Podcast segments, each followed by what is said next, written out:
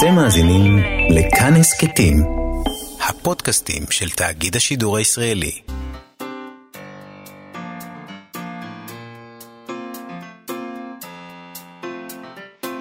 מה שכרוך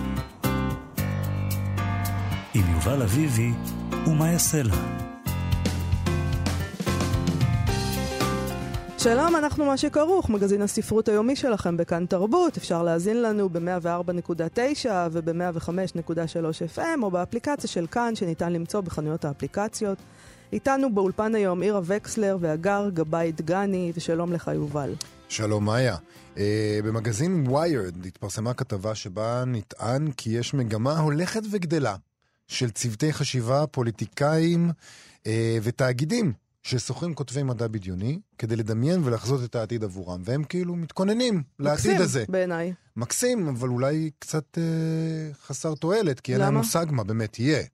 אה, הם סתם סופרים. איך אתה יודע? הרבה פעמים אנחנו בעצם אה, אומרים, וואו, תראה איך הוא כתב את זה לפני מאה שנה, וזה בדיוק מה שקורה היום. או, בדיוק על זה נדבר עם עורכת ספרות המקור אה, של כנרת מורה ביטן, נועה מנהיים, כדי לבדוק האם באמת הם אה, יודעים לחזות כל כך טוב אה, את העתיד, האם זה רעיון טוב לשאול סופרי מדע בדיוני שאלות על העתיד.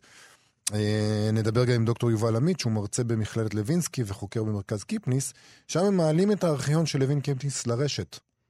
הוא יהיה נגיש לכולם באופן דיגיטלי ויוצגו בו כתבי יד מקוריים וגם אה, מכתבים אישיים שטרם אה, נחשפו אה, לציבור. אז עכשיו הם ייחשפו. אה, לפני כל זה, כן. נדבר על יובל נוח הררי. בהחלט.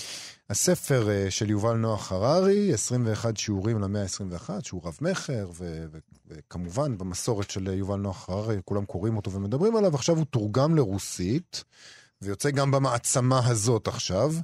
אה, מסתבר שיובל נוח הררי הסכים להעלים מהספר קטעים מסוימים בספר, אה, שלא מתאימים לפרסום ברוסיה של פוטין.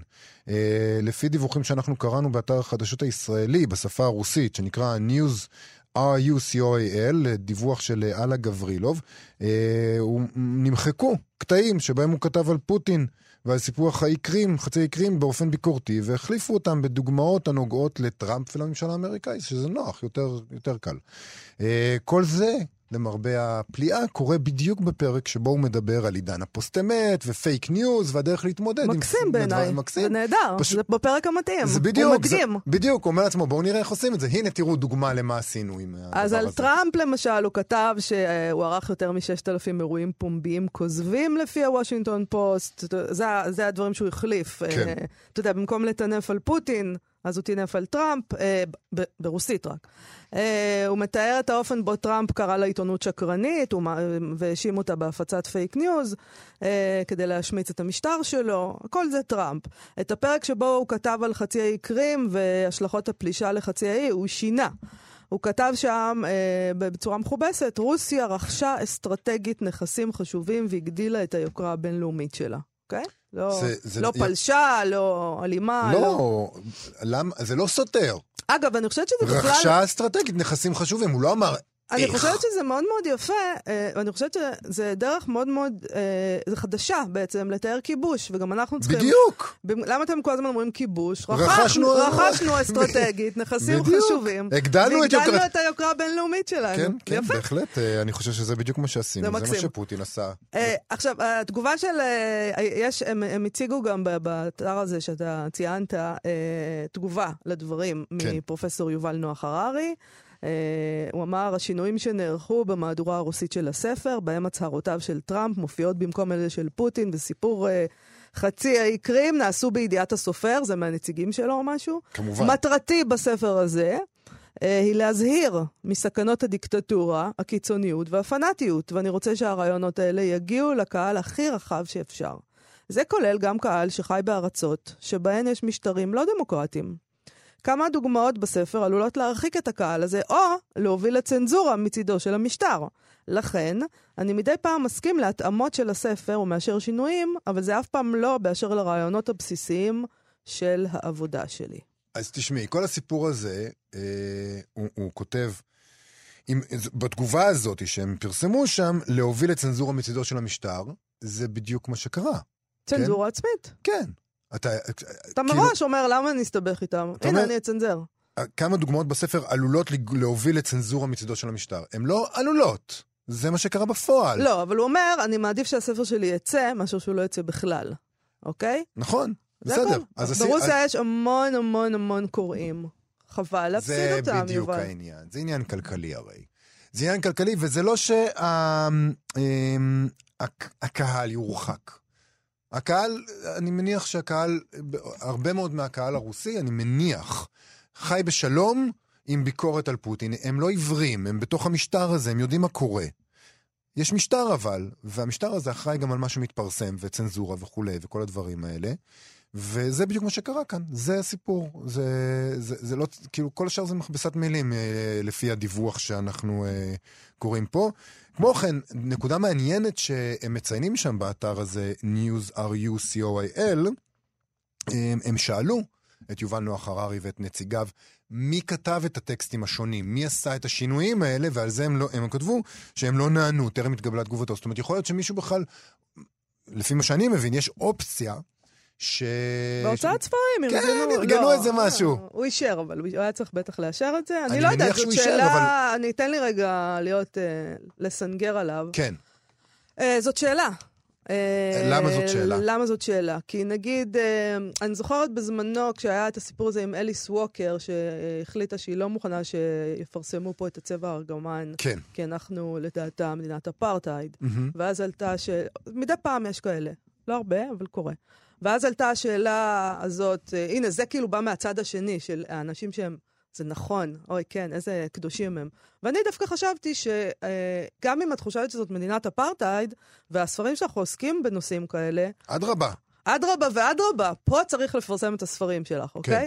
אז יכול להיות שמה שיובל נוח הררי אומר פה, כן, אז את הספרים שלי צריך לפרסם במשטרים כאלה. אני אתן להם דוגמאות על טראמפ, הם אנשים אינטליגנטים, הם יבינו לבד למה זה דומה. אבל חבל לא לפרסם בכלל. אני מסכים איתך ברמה העקרונית. אה, זה תיאוריה טובה ויפה, ויכול להיות שזה באמת מה שעומד לנגד עיניו. הלכה, אבל יש גם את התיאוריה ויש את מה שקרה בפועל.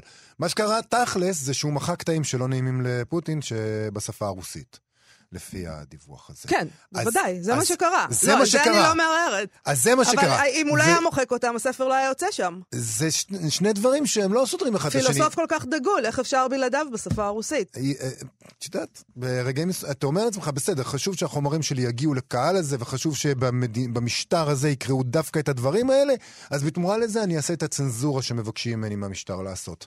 זאת אומרת, אני אשתף פעולה עם המשטר שאני מבקר כדי להעביר עליו ביקורת, שזה זה דרך... כמו לכתוב מדע בדיוני. בדיוק. זה מאוד מאוד מזכיר לי את כל, ה, את כל הדברים האלה שאנחנו שומעים עליהם מרוסיה הסובייטית, שהיו כל מיני אה, כתבי יד כזה שהעבירו מאחד לשני בשחור. בדפים רטוב. אגב, שזה אה, עכשיו- משהו שהיה יכול להיות נחמד אם היה קורה. נגיד, אל זה- תשנה הכל. ואז הם יצנזרו את הספר שלך ויאסרו אותו אולי- לפרסום, ואז זה היה הופך שם בדיוק. למשהו שחור כזה בחור- או, בשוק השחור. ניתן... אבל שוק שחור אתה לא נהנה מתמלוגים. לא שוק נהנה שחור זה שוק שחור. בדיוק. אבל בואי ניתן ליובל נוח הר- הררי עוד קרדיט. יכול להיות שהוא אומר לעצמו, תשמעו, בעידן שלנו הדבר הזה לא יעבור.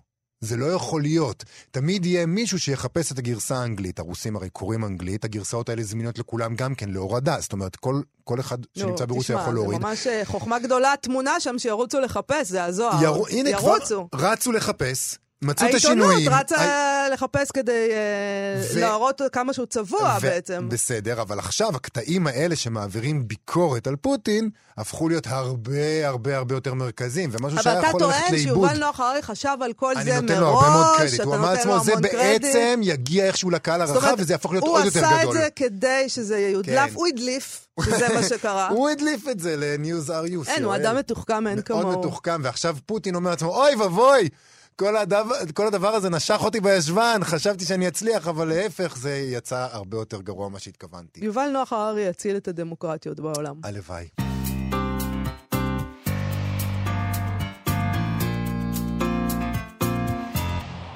אנחנו מה שכרוך בכאן תרבות, וחזרנו אליכם, ולא תכננו, אבל יוצא שהאייטם הבא שלנו ממש אה, מתאים לאייטם הקודם. אנחנו... למה אתה אומר שלא תכננו? הכל מתוכנן. אני... זה תוכנית של יובל נוח הררי, שהוא הגה לפני שנים רבות. לגמרי. הוא עכשיו מפיל את כל הקוביות של בדיוק, הוא הדומינו. עשה כזה קליק לדומינו הראשון, ועכשיו כזה... הכל מתוכנן. הכל מתוכנן. אה, כמו שיובל אה, נוח הררי מתכונן למאה ה-21, אה, אנחנו מאוד רוצים לדעת את העתיד. אה, זה עוזר לנו להתכונן אליו במידה מסוימת, אפשר לומר, ולכן אולי חלקנו אוהבים כל כך אה, מדע בדיוני, במיוחד אולי בזמנים של נגיד משבר גלובלי, שכל מיני משטרים עושים כל מיני דברים מופרכים, ואנחנו אומרים לעצמנו, אוקיי, מה יכול להיות אם זה? נשאל את סופרי המדע הבדיוני. אה, אנחנו לא רק רוצים מהם להתפרע כל מיני תרחישים מופרכים על מה שעתיד לקרות, אלא באמת להרהר על מה, ש... מה שיקרה. זאת אומרת, אנחנו תופסים אותם כחוזים. אז uh, במגזין Wired מדווחים שיש פוליטיקאים, צוותי חשיבה וגם תאגידים שלקחו את ההרצאה הזאת שלנו לסופרי מדע בדיוני צעד אחד קדימה, ושוכרים סופרים כאלה כדי שיחזו עבורם את העתיד, אה, ומשתמשים בתחזיות האלה כדי להתכונן. יש חברת הנדסה גדולה שביקשה מסופר מדע בדיוני לכתוב עבורם, עבורם ארבעה תרחישים אפשריים, כדי להבין איך החברה צריכה להתכונן לשנת 2050. מה יהיו אתגרי ההנדסה של שנת 2050? בחברת ייעוץ אחרת פרסמו מדריך כיצד להסתייע במדע בדיוני כדי לחקור חדשנות. אה, בכתבה בניו יורקר, שכותרתה עסקים טובים יותר בזכות המדע הבדיוני, הכריזו על עידן המדע הבדיוני התעשייתי. וכאמור, גם ממשלות וארגונים אחרים, ממשלות ממש, לא רק תאגידים, אה, עושים שימוש בס... זה אה, מקסים, האלה. זה פשוט נהדר. זה ממש, זה מרחיב את הלב. זה מרחיב את הלב וזה נהדר, וזה נותן תחושה שמשהו, אה, ש... שאפשר סוף סוף מתייחסים למה שסופרים להגיד, אבל זה גם מעלה כמובן את השאלה, האם האנשים שאחראים על הביטחון שלנו, על הכלכלה שלנו, על החינוך שלנו, על הבריאות שלנו, יודעים מה הם עושים כשהם מסתמכים על נבואות נטולות ביסוס, של אנשים שעיקר היכולות שלהם אה, מסתכמות בדמיון פורה. השאלה היא, יובל, האם הם יודעים מה הם עושים בכל מקרה? הם יודעים מה הם עושים? לא בטוח. לא יודעת. אה, אולי זאת ההוכחה שהם לא יודעים מה הם עושים. האם בכלל סופרי מדע יכולים, אה, סופרי מדע בדיוני יכולים למלא את התפקיד הזה בהצלחה? אז איתנו כדי לענות על השאלה הזאת, ראש מחלקת ספרות המקור של הוצאת כנרת זמורת דביר, וחובבת מדע בדיוני נחושה וידועה, נועה מנהיים. שלום, שלום. שלום. אז הם יכולים לנבא את העתיד או לא? סופרי מדע בדיוני. פשוט תגידי כן או לא. בא לי לדבר, זהו, נורא בא לי לדבר איתכם עכשיו הרבה זמן, אבל מאחר והתשובה היא לא, ואנחנו יכולים להגיד תודה ושלום. אז תודה רבה לנועם עיניים. בכיף, בכיף. אז נגיד גם לכל התאגידים ולכל הממשלות האלה, מספיק עם השטויות האלה, נועם עיניים אמרה לא, זה לא. אבל את לא חושבת שזה פשוט התנהלות... למה לא לוקחים אותי לייעץ? בדיוק, את לא חושבת שזה... קודם כל צריך לקחת את האורחים, מה זה סופרי מדע בדיוני? מה שיצא בסוף זה לא הם. וגם למה לוקחים סופרים אמריקאים שממילא יכולים להתפרנס מהעבודה שלהם? שיקחו סופרי מדע בדיוני ישראל. ישראלים, שממש מתקשים לגמור את החודש. אז רגע, אז למה... קודם כל אני בעד המיזם הזה, כי בכל דבר שיכול להעניק פרנסה צדדית לסופרים, אני בעדו. בוא נגיד שממשלות אה, בזבזו כספים על דברים יותר אה, טיפשיים. דברים מגוחכים יותר, לגמרי, לחלוטין. אבל בכל זאת, מה באמת עומד מאחורי הדבר הזה? אני חושבת שקודם כל, אה, בעיניי, חלק מהמופרכות של הצעד הזה, זה ש... עבורי וגם עבור חלק מהסופרים שהתראיינו לכתבה הזאת בוויירד, כמו קורי דוקטורוב, אה, הרעיון שעומד מאחורי המדע הבדיוני, ספרות ששואלת אה, מה היה קורה אילו, אה, או מה יכול היה לקרות במידה ו... המדע הבדיוני בעצם לא מדבר על העתיד, הוא מדבר על ההווה. מדבר על ההווה, ולפעמים הוא מדבר אפילו על העבר. כן. אבל הוא מועסק בדברים האלה הרבה יותר משהוא מועסק בשאלה מה באמת יהיה כאן בשנת 2222. אה, זאת אומרת, זה בכלל פספוס, זה, זה חוסר הבנה של מה מדע בדיוני עושה, את אומרת. לתחושתי כן, לתחושתי כן. זאת אומרת, זה לא, לא ספק ספרות שיכולה להעניק השראה, אה, כמו שיכולה כל ספרות להעניק, אם היא טובה. אה, ויכולה אה, להציע אזהרות מפני העתיד. זאת אומרת, גם אם אתה חושב על נבואה, המטרה של נבואה, זאת אומרת, הסיבה לקיומם של נבוא, נביאים הייתה כדי שלא יצטרכו להיות נביאים.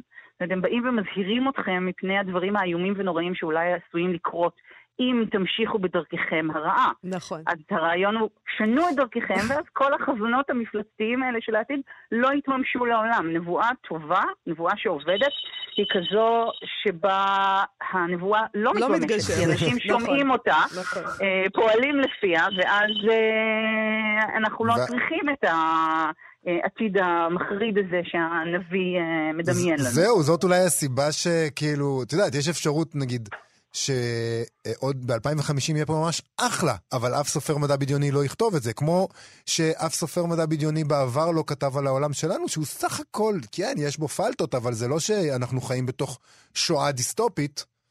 תלוי, תלוי לא. מי מסתכל על זה, יובל. נכון. באמת. אה, נכון, אז- האוטופיה של האחד היא הדיסטופיה של האחר. בדיוק, אני חושבת שזאת נקודה שחשוב לזכור, וגם אה, יש את המשפט המפורסם של ויליאם גיבסון, שאמר שהעתיד כבר כאן, הוא רק לא מחולק באופן שווה. יפה. אה, אז אנחנו חיים באמת במציאות שיכולה להיראות בשביל אנשים שחיים אה, במדינות עולם שלישי, כמו אה, ספר מדע בדיוני מהסוג המשובח ביותר, כי יש לנו מים זורמים ונקיים שיוצאים מהברז, ויש לנו טלפונים סלולריים, ויש לנו אוכל? מערכת בריאות שמתפקדת פחות או יותר, ואוכל, ולא צריכים בשביל זה אפשרויות של טלפורטציה. כן, וזה זה, באמת, אנחנו חיים חיים שהיו שמורים בעבר למלכים, כולנו. נכון. נכון. ועדיין ו- אה, יש בעניין הזה של המדע בדיוני איזו תחושה הרבה פעמים של הם חזו את העתיד. הם, איך הם ידעו? הם ידעו לראות כל מיני דברים שקרו. אז זו שאלת ביצה ותרנגולת אה, ענקית. זאת אומרת, האם העובדה שהעיר ננבה אה, לא נפחה היא מכיוון שיונה אה, חזה את העתיד, או אה, מכיוון שהחרדה מפני האפשרות של העתיד הזה גרמה לאנשיה אה, לפעול אה, באופן שונה מכפי שהם היו פועלים אחרת. כן. זאת אומרת, האם יש לנו טלפונים סלולריים בגלל שמישהו אה, אה, החליט בצוות התפאורנים של אה, סטארט-טרק שנסע בין כוכבים לבנות מכשירי קשר שנראים ככה, או מכיוון אה, שהם חזו את העתיד. זאת אומרת, היכולת של יוצרים שיש להם באמת חזון מאוד מתקדם להשפיע על האופן שבו אנחנו תופסים את ההווה שלנו היא כזו שלפעמים הנבואות שלהם מתגשמות כי אנחנו מגשימים אותן. לא מכיוון שהייתה להם איזושהי אה, אה, השראה אלוהית והם אה, קיבלו הצצה אל מה שעתיד להתרחש בעוד 50 שנה מהיום, אלא כי הם הביאו את העתיד הזה. לא, אל תגידו, אל תגידו אה, יום יבוא, הביאו את היום. הם הביאו את היום. אוקיי. אז יש גם הבדל נורא מהותי, אני חושב, בין מה שמתואר בכתבה לבין מה שאת מתארת. זאת אומרת, אה, האם כן או לא יהיו טלפונים סלולריים, או, או האם, האם באמת אה, אה, תהיה... נוכל לשגר את עצמנו ממקום למקום בשנת 2050, זה דבר אחד. אבל מה שבתאגידים האלה ובממשלות האלה מבקשים מסופרי מדע בדיוני זה לייצר איזשהו חזון, איזשהו דמיון של איך ממש תיראה כל החברה. אה, וזה משהו גם כן שסופרי מדע בדיוני עושים. האם מעבר לטכנולוגיה כזאת או אחרת הם מצליחים לדמיין חזון? הצליחו פעם אה, איזשהו סופר מדע בדיוני לדמיין חזון שממש יתממש? אני חושבת שאתה יכול למצוא מקרים שבהם באופן חלקי אה, דברים היום נראים, שוב, בחלקים מסוימים של, של העולם, כפי שתיארו אותם בספרים מסוימים, אפילו דווקא ספרים אה, יחסית אה, ותיקים, כן? עולם חדש מופלא של אלדוס הקסלי, שהוא אה, אחת הדיסטופיות היותר מעניינות שנכתבו. מתאר עולם שבהיבטים רבים שלו מזכיר את העולם שבו אנחנו מתקיימים היום. אבל זה גם עניין של תקופות. זאת אומרת, הייתה תקופה שבה היה נראה כאילו שאנחנו הולכים לכיוון של העתיד של 1984, של ג'ורג' אורוול, uh, ודווקא החזון של הקסלי היה נראה לא רלוונטי לחלוטין. אבל היום החזון שלו נראה יותר uh, אפשרי ובר מימוש מחזונות אחרים של העתיד.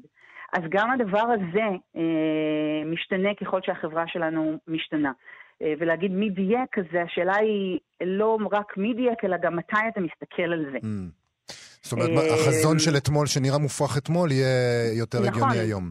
נכון, וגם בהרבה מקרים הספרות או הקולנוע והטלוויזיה שעוסקים בעתיד, אה, שוב, מתבססים על הווה, ועושים איזושהי אקסטרפולציה, כן? איזושהי השלכה מההווה אל איזשהו עתיד. ולכן, מאחר והם עובדים עם חומרי ההווה, הם לא ממציאים איזשהו משהו אה, מאפס, הם עובדים עם החומרים שכולנו עובדים איתם. הם לפעמים יכולים להרחיק ריאות או אה, להשליך את החכה הזאת רחוק מספיק אל העתיד, בכדי לשלוף מתוכו איזשהו דג שמן ומפרפר מספיק, ואתה שתוכל להגיד, אהה, זה הדג אה, שעכשיו נמצא לנו על הצלחת.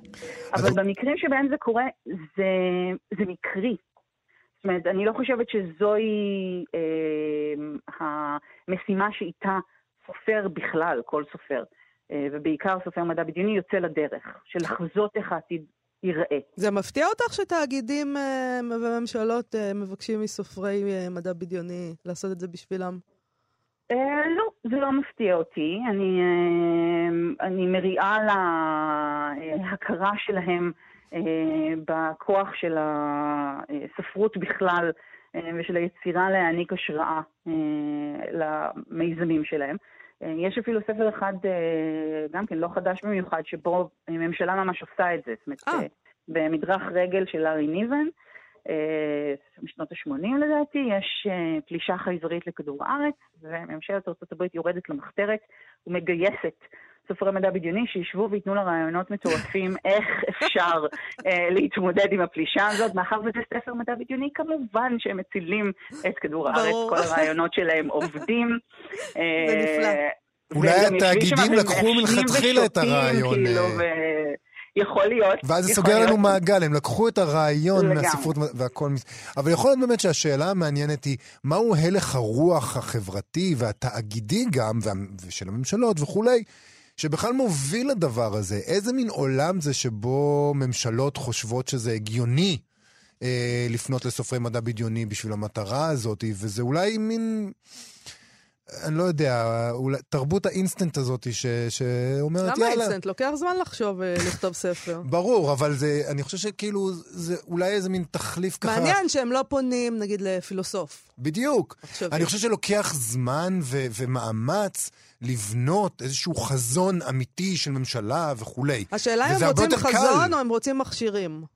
נועה, מה את חושבת? אולי הם רוצים מכשירים פשוט, שיגידו להם מה המכשיר הבא שהם צריכים להמציא. שחלקם, אה, אני בטוחה שחלקם רוצים מכשירים, ואני חושבת שמבחינה הזאת יש דווקא, אה, באמת לסוגה הזאת אה, אחוזי פגיעה לא רעים. אנחנו בדיוק ציינו 50 שנה לנחיתה על הירח. אז לא שהחזון הזה על להגיע לירח הגיע מסופרי מדע בדיוני בהכרח, זה חזון מאוד מאוד ותיק של המין האנושי, אבל זה כן דוגמה מצוינת למנהיג שאומר, אני רוצה שבעוד איקס זמן אנחנו נעשה את הדבר העצום, המטורף והבלתי נתפס הזה, והחזון מספיק חזק בכדי לגרוף אחריו אה, אומה שלמה ולממש אותו.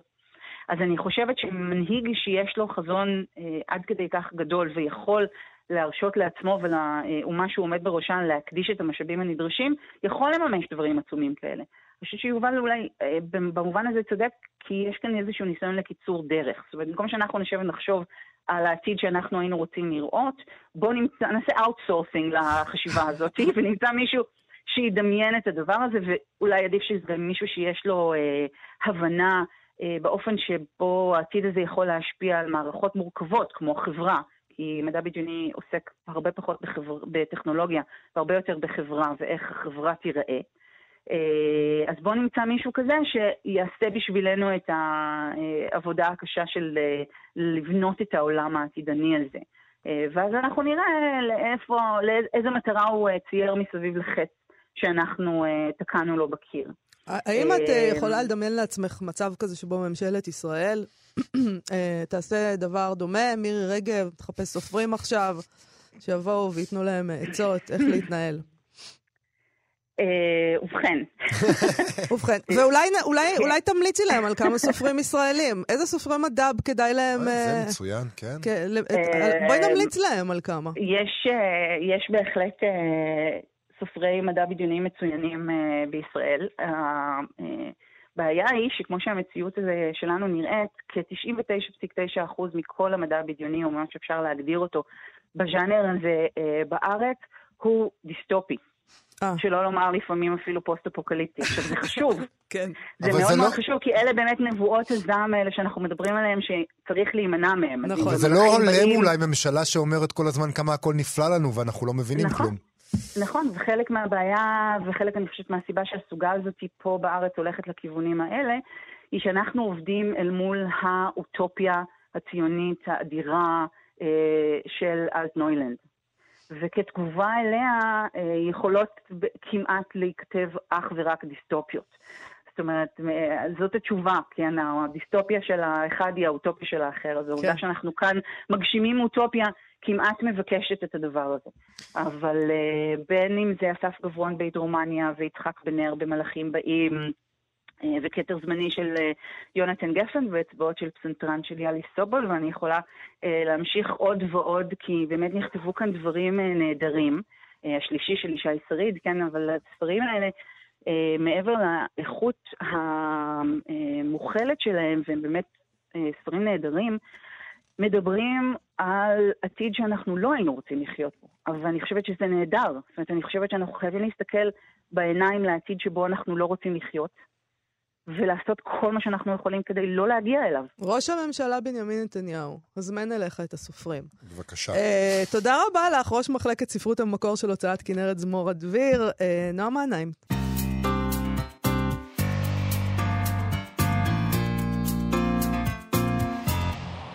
אוקיי, אנחנו מה שכרוך בכאן תרבות. אה, אנחנו נדבר עכשיו על לוין קיפניס, שהיה מחלוצי ספרות הילדים העברית. הוא כתב כמה משירי הילדים המפורסמים ביותר אה, בישראל, כאלה שאנחנו שרים ולפעמים לא זוכרים מי כתב, כי אנחנו חושבים שזה עממי. תמיד היה. עממי, זה כן. תמיד, זה היה שם. אליעזר והגזר, סביבון סוף סוף סוף, נרלי נרלי, אני פורים, סלנו על כתפינו. אה, אבל זה רק, אתה יודע, הוא כתב 5,000 יצירות לילדים, 1,200 סיפורים, יותר מ-1,000 שירים, מאות אגדות ועשרות מחזות זמר. זה גורם לנו לחשוב, מה אנחנו עושים עם הזמן שלנו? אה, כאילו, אתה יודע. 5,000 יצירות. אתה יודע, תישן פחות, יובל. תעשה יותר. נורא אוהב לישון. עכשיו הארכיון שלו נחשף לראשונה לציבור הרחב אה, באופן דיגיטלי, ויוצגו בו כתבי יד מקוריים ומכתבים אישיים שטרם נחשפו לציבור, וכל הדבר הזה קורה ביוזמת מרכז קיפניס לספרות ילדים ונוער במכללת לוינסקי לחינוך. נדבר על זה עם דוקטור יובל עמית, מרצה במכללת לוינסקי וחוקר במרכז קיפניס. שלום, דוקטור יובל עמית. שלום מאיה, בוקר טוב. צהריים טובים. אז ספר לנו מה יש באוסף קיפניס שלכם, שעכשיו נוכל לראות סוף סוף. סוף סוף. במרכז קיפניס במכללה שמנהלת דוקטור תמר ישראלי, יש לנו אוסף מאוד מאוד אה, מקיף, אני חושב, אה, להקיף את כל קיפניס זו משימה כמעט בלתי אפשרית. את כן. אמרת בעצמך כמעט 5,000 יצירות. זה- נעשה איזשהו ניסיון מאוד מוצלח להקיף את זה בביבילוגרפיה שיצא מטעמנו לפני כמעט עשור. אמ, אנחנו מנסים לרכז בעיקר גם את החומרים שהודפסו, אמ, אבל גם את כל החומר הארכיוני שסביבם. אמ, יש שם אה, סיפורי זיכרונות, תולדות חיים, סיפורי חיים שכתב קיפניס בדרכים ובשלבים שונים בקריירה שלו. יש שם התכתבויות עם מו"לים, עם מאיירים, עם uh, עמיתים למקצוע וכך הלאה סביב היצירות, ויש שם, אני חושב, אולי החלק, מבחינתי לפחות המעניין ביותר, הוא איזושהי, איזשהו ביטוי שקיפניס נותן להכרה שלו בתפקיד החשוב, הקריטי, החלוצי שהוא ממלא במהלך הזה של יצירת uh, תרבות uh, חדשה לילד חדש במקום חדש. ובשפה חדשה. אה, זאת אומרת, מהלך חלוצי, ככל שרק אפשר לתאר, שהוא היה מודע לחלוטין להיקף שלו, לעומק שלו, לחשיבות שלו, והוא הוא נתן לזה ביטוי גם בעצם השימור של האוסף ש, שהוא עמד מאחוריו, אבל גם בדברים שהוא כותב, שהוא אה, רושם, הייתי אומר, ובכלל בהצבה של הארכיון הזה לשימוש הציבור. הצעד שעכשיו אנחנו משלימים באמצעות הדיגיטציה המלאה שלו והעלאה שלו לאוויר. זאת אומרת, חינוך ה- ה- הילד אה, והתרבות וכל הדבר הזה, זה היה המשימה הציונית אה, הגדולה. לפני, עוד לפני חינוך, זה מין הקולטורציה, זאת אומרת, Mhm. קודם כל היכרות עם הסביבה, קודם כל איזושהי היטמעות לתוך סביבה חדשה ולתוך חברה חדשה של ילדים. החינוך הוא, הוא השלב השני. אה, ראשית, הוא, הוא פשוט עורך מין היכרות מאוד uh, מעמיקה עם הסביבה הקרובה של הילד, עם הבית, הוא נותן שמות לדברים, הוא מתאר מהלכים uh, אידיאליים או, או אופטימליים של, של קשרי ילדים והורים. הוא מתאר את הדרך לבית, לבית הספר כאיזה מין עולם של גילוי, הטבע, הסביבה, והכל קורה באמת uh, סביב הילד הזה, לאו דווקא בבית הספר, אם כי יש דגש מאוד מאוד חזק על זה, בבית הספר ובגן, אבל בעיקר ההיכרות עם הסביבה הקרובה המיידית של הילד. זה היה איזה משהו אה, שהוא, שהוא התחיל בעצמו, הוא ראה בזה, או שזה היה איזה מין גל כזה שבכלל ראו אותו אז ב, באותה תקופה כ, כהכרחי? זה היה... אה, הוא היה איזה שליח של התנועה הציונית, או שהוא אמר, אוקיי, הנה, בואו אני אעשה את זה עבורכם? אה, זה מורכב, זה מורכב גם משליחות אישית, מתחושה מאוד עמוקה של שליחות אישית, שמבוססת גם על הביוגרפיה שלו. אה, קיפניס נושא ככה עד גיל מאה כמעט את זכר הילדות הקשה בחדר, את זכר המפגש הקשה עם המורים, המשמעת הנוראה שהוטלה עליו והאיסורים שאיתם הוא התמודד. מכאן הוא מגיע אה, אל, ה, אל המשימה הזאת באמת עם איזשהו מטען אישי מאוד חזק.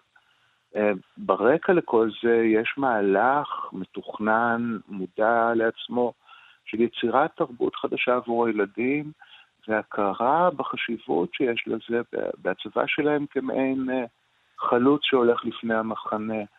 אה, קיפניס לא רק כתב את השירים, הוא גם דאג לקליטה שלהם כמעט אישית, לקליטה שלהם אצל הגננות, הוא עקב אחרי הקליטה, הוא תיקן את הדברים תוך כדי מעשה, זאת אומרת, הוא, הוא פועל מתוך הכרה מאוד גדולה מדהים. בחשיבות של המעשה שלו. מדהים. תגיד, מוזר, אתה, אה, לא, אתה, אתה, חושב, לא חושב שזה מוזר שכל כך הרבה מהשירים האלה נשארו עד היום בעצם? מוזר זה בטח לא... אה, קצת משונה. סבתא שלי, אימא שלי, שרו את זה, למדו את זה בגן כילדות, אימא שלי בת התשעים. אמ, סבתא שלי שרה לה את זה, היא שרה את זה לי, אני שרה את זה לילדיי. ההיטמעות של זה לתוך אורח החיים הישראלי, לתוך התפיסה שלנו את הילדות הישראלית היא כמעט בלתי נמנעת. כן. הנגיעה שלו לכל מהלך בסדר היום של הילד, ובייחוד לאירועים החשובים, בין חגים, מועדים, וכך הלאה, פתיחת השנה, סיום השנה, לימוד הקריאה, ספר ראשון וכך הלאה. כל אלה כמעט אי אפשר לגדול פה ולגדל פה ילדים בלי, בלי להיחשף uh, ליצירה הזאת. תגיד, למה זה כל כך חשוב להעלות את הדברים האלה לדיגיטל? אנחנו מקבלים, יש לנו ספרים של לוין קיפניס, יש לנו את השירים שלו, אנחנו, כמעט בכל ספרייה יש את הדבר הזה. עד כמה הציבור הרחב צריך לדעת אה, את, את הדברים שהם מעבר? אני מעוניינת לראות את ההתכתבויות שלו אה, עם ביאליק ופיכמן. לצורך זה. השאלה על הציבור הרחב היא מצוינת. זאת אומרת, אתם ציינתם בהתחלה שקיפניס הוא מין מר עממי כזה, נכון. כל שיר שהוא כתב, תוך חמש דקות נעשה למילים אה, עממיות. כן. אז קודם כל אנחנו מחלצים אותו מה, מהמקום העממי הזה, וחוזרים לייחס לו את uh, חנוכיה ליאש, את נרלי, את uh, רקפת, את, uh, אפילו את ילד פלא וכך הלאה. שירים שאנחנו מכירים, הם חלק מההוואי שלנו, חלק מהתרבות שלנו, בלי לזהות את היוצר שלהם. מבחינה הזאת יש לזה חשיבות רבה. מבחינה נוספת, כמובן, אה, כי התנסו, לא הייתי אומר מהתשתית, אלא התשתית של התרבות, אה, תרבות הילד העברית והישראלית. יש פה חשיבות, מבחינתי כהיסטוריון, מאוד מאוד גדולה לנוכחות שלו. כיסוד מחקרי פעיל בתוך התרבות שלנו. אנחנו מקווים שההעלאה של הדברים תמשוך ותזמין לא רק אה, תלמידים, מורים, אנשים שיש להם זיכרון מקיפניס, אלא גם חוקרים ש, שיציפו חזרה את התפקיד החשוב שהוא מילא. Uh, בנוסף לזה, כמובן, בגלל הרלוונטיות המתמשכת, וככל הנראה שעומדת ללוות לנו עוד לא מעט שנים, הנוכחות של החומר המקיף סביב היצירות האלה היא מאוד חשובה בעיניי, גם למחנכים עצמם שילמדו את הדברים מתוך היכרות, מתוך מודעות למקום שלהם, וגם הייתי אומר לתלמידים אה, שיוכלו אה, להיחשף לעוד ועוד אה, מידע וידע סביב העולם המוכר, המוכר מדי כמעט הזה. דוקטור יובל עמית, מרצה במכללת לוינסקי וחוקר במרכז קיפניס, שם יעלו את כל הארכיון של לוין קיפניס לרשת. אני חייב לומר שההעלאה הזאת נעשתה בשירותם, בתמיכתה פעילה של הספרייה במכללת לוינסקי, של שיין בר המנהל, של דפנה אורן ואינה בריקר, וזה המשך לעבודה של כמה אנשים טובים, בייחוד הגברת ציונה קיפני, סופרה גלברט אבני ושרה בוני, ש... שעשו רבות רבות למען המפעל הזה. תודה רבה, תודה רבה יובל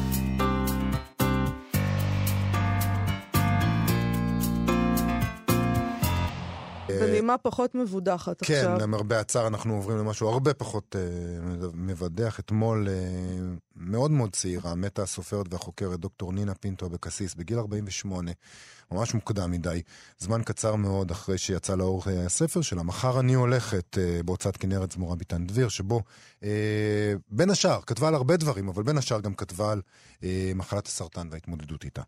דוקטור נינה פינטו אבקסיס הייתה חוקרת פולקלור יהודי והשוואתי ומרצה במכון הבינלאומי לחקר הלדינו באוניברסיטת בר אילן ובאוניברסיטה הפתוחה. כלת פרס ראש הממשלה לסופרים עבריים לשנת 2018 על ספרה הראשון סיפורים אינטימיים שיצא בסדרת רוח צד של הוצאת דביר, וכלת פרס בן צבי לחקר קהילות ישראל לשנת 2015 על מחקרה על הפולקלור והלשון של יהודי מרוקו הספרדית. סיפורים שלה גם תורגמו לספרדית ולערבית. אה, בספר החדש שלה היא, היא כותבת על הרבה דברים, ואני חושב שאת יודעת, זה מאוד מאוד מפתה עכשיו אה, להתייחס אליו כאל אה, רומן אה, אוטוביוגרפי, או, או ספר אוטוביוגרפי, אבל צריך להיזהר גם כן מהדבר הזה, ובכל זאת, לכבודה אני לא היום... חושבת שאתה צודק, אין מה להיזהר. זה רומן אוטוביוגרפי שהיא כתבה על המחלה שלה, בידיעה ברורה לאן היא הולכת. קוראים לו מחר אני הולכת. זה, אה, אין, כן. אין, זה אוטוביוגרפי לחלוטין, יובל. כן, אבל יש שם. כל מיני דברים שאפשר להתייחס אליהם אחרת, אבל בכל מקרה, בואו נקרא אה, כמה קטעים ממנו לכבודה היום, אה, או כמה שנספיק. אה, בפרק שנקרא הבשורה, היא כותבת על גילוי המחלה, זאת אומרת, על הדרך שבה מבשרים אה, הרופאים על העניין הזה. ככה היא כותבת. אני נרדמת, ונדמה כי לא עברו חמש דקות, ולפתע מסיט את הווילון רופא שאיני מכירה. הוא גדול, מראהו גס, שיניו בולטות. נינה, כן? כן, אני עונה מיד. מרימה את מסעד הכיסא ומתיישבת. מנסה לשוות לעצמי מראה רשמי כלשהו בתוך בגדי בית החולים והפנים הצהובות שלי.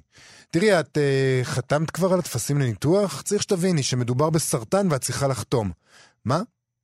מה זאת אומרת? הרי אמרו לי שיש לי צהבת חסימתית, ורק אחרי הניתוח יהיה אפשר לדעת בוודאות עם קבלת תוצאות הביופסיה. כן, אבל אני אומר לך, אה, יורה הרופא הצעיר, רוב הסיכויים שזה סרטן במקום הזה. את מבינה מה זה אומר? כן, אני משיבה לו. אז הנה הטפסים, את צריכה לחתום. רגע, שנייה, אני מנסה לעשות סדר במחשבותיי. אולי נחכה לאימא שלי. היא בדיוק יצאה לרגע, תוכל לדבר עם שתינו. תראי, אומר לי הרופא, אני רק אומר לך כרגע את הפרטים הטכניים. אני צריך ללכת לישיבה. אם יהיו לך שאלות נוספות, תוכלי לשאול את הרופא המנתח. אני משאיר לך את הטפסים ותדאגי להעביר אותם חתומים. הוא מניח את הטפסים וסב על עקביו. עקבי כפכף שחורים, גדולים, מהסוג שהיו פעם לספרים במספרות. תודה, אני אומרת לו, ובעצם רוצה להטיח לעברו מילים, חפצים, בקבוק, אבל שותקת. בפרק מחלה קשה היא כותבת כך: בלי השכבות העליונות של האור, ללא שיער, גבות או ריסים, נטולת כל הגנה, חבושה בכובע צמר באמצע אוגוסט, בסוודר ושכפ"ץ, עטוית כפפות, חוששת מכל משב רוח של בוא החגים. תכבו את המזגן, קר לי. עיניים אימיות, שרועה במיטה עטופה בפוך. יונתן מקבע את השמיכה סביבי. כפי שנהג אבא לכרוך מעליי מעין מבנה הדוק של כיסוי המיטה לפני לכתי לישון. הקול שלי מצטרד תחילה, אחר כך הולך ונחלש. שאיפות ונשיפות יבשות. אני מתאמצת להגיע לפיהוק עמוק כדי להצליח לנשום ממש. ראש מעל המים, נינה. להמשיך בראש מורם, מהדהדות מילותיו של דוקטור דן, עת קיבל את תוצאות ההדמיה, המעידה על כך שמחלתי חזרה בשנית. עיניו של הרופא נסוגו אל ארובותיהן. הרי הגוף היה נקי לחלוטין לאחר שניתח אותי. נקרא עוד אחד או שנעבור כן. לדבר הבא? נקרא עוד אחד. אני אקרא אולי, אולי את, ה, את האחרון, את uh, מה שמופיע בפרק מלאכים, אני אקרא את זה? כן. זה הפרק שחותם את הספר והיא כותבת כך: אני יודעת שעובדת מותן של אחיותיו בגיל צעיר יחסית כואבת עדיין לאבא. צורבת את מחשבתו מדי יום. הוא מאשים את עצמו על שלא מנע מאבא שלו לנתב את חייהן כרצונו, למרות שהיה הבן הקטן מבין שלושת האחים. אוי אבא, תחזור לעצמך, אני משיבה לו. הרי אתה לימדת אותנו שאין עולם הבא, שאין חיים אחרי המוות, שהחיים נגמרים אז הם נגמרים. אין אחר כך שום דבר. אה, זאת הרי הסיבה שהוא ממאן לבקר בקברי בני משפחתו. כן, הוא אומר, אבל אם יש עולם הבא, אני רוצה להיפגש עם האחיות שלי. זה מה שאני רוצה.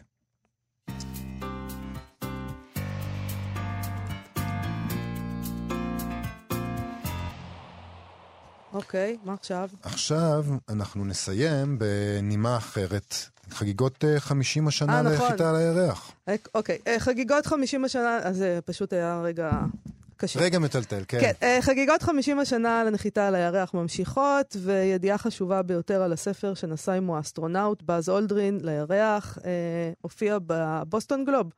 הם הקדישו לסוגיה הזאת כתבה, ומספרים בה שכאשר אולדרין עלה על האפולו 11, הוא לקח עמו ספר קטנטן בגודל של כרטיס אשראי, שנקרא האוטוביוגרפיה של רוברט האצ'ינגס גודארד, אבי עידן החלל. נכון, אותו גודארד היה פרופסור לפיזיקה, שפיתח רקטות שמשתמשות בדלק נוזלי, הוא נחשב למייסד הרקטה המודרנית, לפי הכתבה, וגם היה מורה של אבא של באז אולדרין. Uh, הספר עליו פורסם רק לאחר מותו, והוא כולל גם, הספר הזה, סיפור שהוא כתב בגיל 17. את ההשראה לסיפור הזה הוא קיבל בעת שקצץ ענפים מתים מעץ דובדבן, ובו הוא כותב כך, בעודי מביט על השדות ממזרח דמיינתי, כמה נפלא זה יהיה להכין כלי שיש לו את היכולת להתרומם למאדים. בגיל 17 הוא כבר ידע. הוא לא ידע שום דבר, הוא אמר שזה יהיה נפלא. אם... אבל אז הוא הלך לעשות את זה. ועשה את זה. אבל אתה יודע, אנחנו מדמיינים כל מיני דברים שאנחנו ילדים. זה לא... ביומן שלו הוא כתב שהוא חזק כלי שיכול לייצר עילוי אה, בזכות כוח צנ... צנטריפוגלי, וכינה את היום שבו קצץ ענפי דוב... עץ דובדבן יום השנה, כשהוא מציין אותו מדי שנה, 19 באוקטובר. העץ נפל ב-1938 והוא כתב, צריך להמשיך לבדי. הספר הזה פורסם ב-1966, לאחר מותו של גודארט אה, ב-1945. הוא פורסם בפחות מ-2,000 עותקים. 85 עמודים של ספר מיניאטורי שאולדרין לקח לירח לבקשת המו"ל. אה, המו"ל של הספר הזה גם ביקש שהוא ישאיר אותו על הירח. כן. אבל זה לא מה שקרה. לא, זה לא מה שקרה. לא הרשו לו. אני חשבתי שאנשים כמו באז אולדרין יכולים לעשות מה שהם רוצים. מי יגיד לו לא להשאיר את זה על הירח? מסתבר שהוא אה, הוא לגמרי מילה... נאסא יכולים להגיד לו להשאיר את זה לירח. מה זאת אומרת מי יגיד לו? הוא כן. בסך הכל חייל. מה זה זה נכון. אסטרונאוט? זה חייל. זה נכון. הוא, הוא, אל זה- תתלהבו כל כך. זה- מה זה, הוא טי- היה טייס. נהג ועכשיו הוא- אוטובוס. כן, הוא היה נהג בסדר. אוטובוס, עבר להיות... אה, מה זה טייס. טייס? נהג אה, זה? אני- את יודעת, אבל זה באז אולדרין. כאילו, הוא הוא הלך על הירח. בסדר. אז אני לא יודע. אני חשבתי שהוא יכול לעשות כל מה שהוא רוצה, כולל... אני, ללכת- אני, אני תוהה אבל את למה צדקת. לא נתנו לו להשאיר את, ה... את יודעת, את אה, הספר, ויכול להיות שיש איזה סיבות מעניינות. מה לא שקורה רוצים זה... להשאיר שם כלום. כן, על את יודעת, אין אטמוספירה על הירח, אז נגיד טביעות הרגליים של האנשים שהלכו על הירח, לכאורה, אני לא בטוח אם זה בדיוק בדיוק ככה, אבל לכאורה הם עדיין שם. אין שם רוח, נו, אין שם כלום. אבל מה אכפת להם שיישאר שם הספר? אה, אולי זה ישפיע במשהו על אני משהו? לא יודע, אתה, אתה, אנחנו עושים מספיק נזק לכוכב הזה, לא צריך להתחיל להרוס לא, כבר. אולי יש שם איזה מידע שאנחנו לא רוצים שהחייזרים יקראו, למשל? חשבת על זה? יש שם, אולי יש שם חיים? אה, אולי, אולי יש שם חיים. אולי בכלל לא נחתנו על הירח, והם לא רצו שהבאים שינחתו על הירח יגידו, היי, הם בכלל לא היו פה? אה, מכיר את תיאוריות הקונספירציה האלה?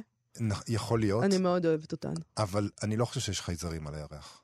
למה כאילו, אתה לא חושב? לא יודע, ראית את התמונות משם, זה נראה די ריק. אה, כי- בגלל שראית את התמונות אתה לא... וואו, אתה אדם תמים כל כך. זה פשוט יודעת, מקסים. אני ראיתי כבר- את התמונות אני משם. כבר סיפרתי פה, אני לא יודע אם אני צריך לחזור על זה, שאני חי בתוך משפחה שבה עצם הנחיתה על הירח נתפסת כמשהו שצריך לפקפק בכלל. נו, בדיוק. מה שאני אומרת.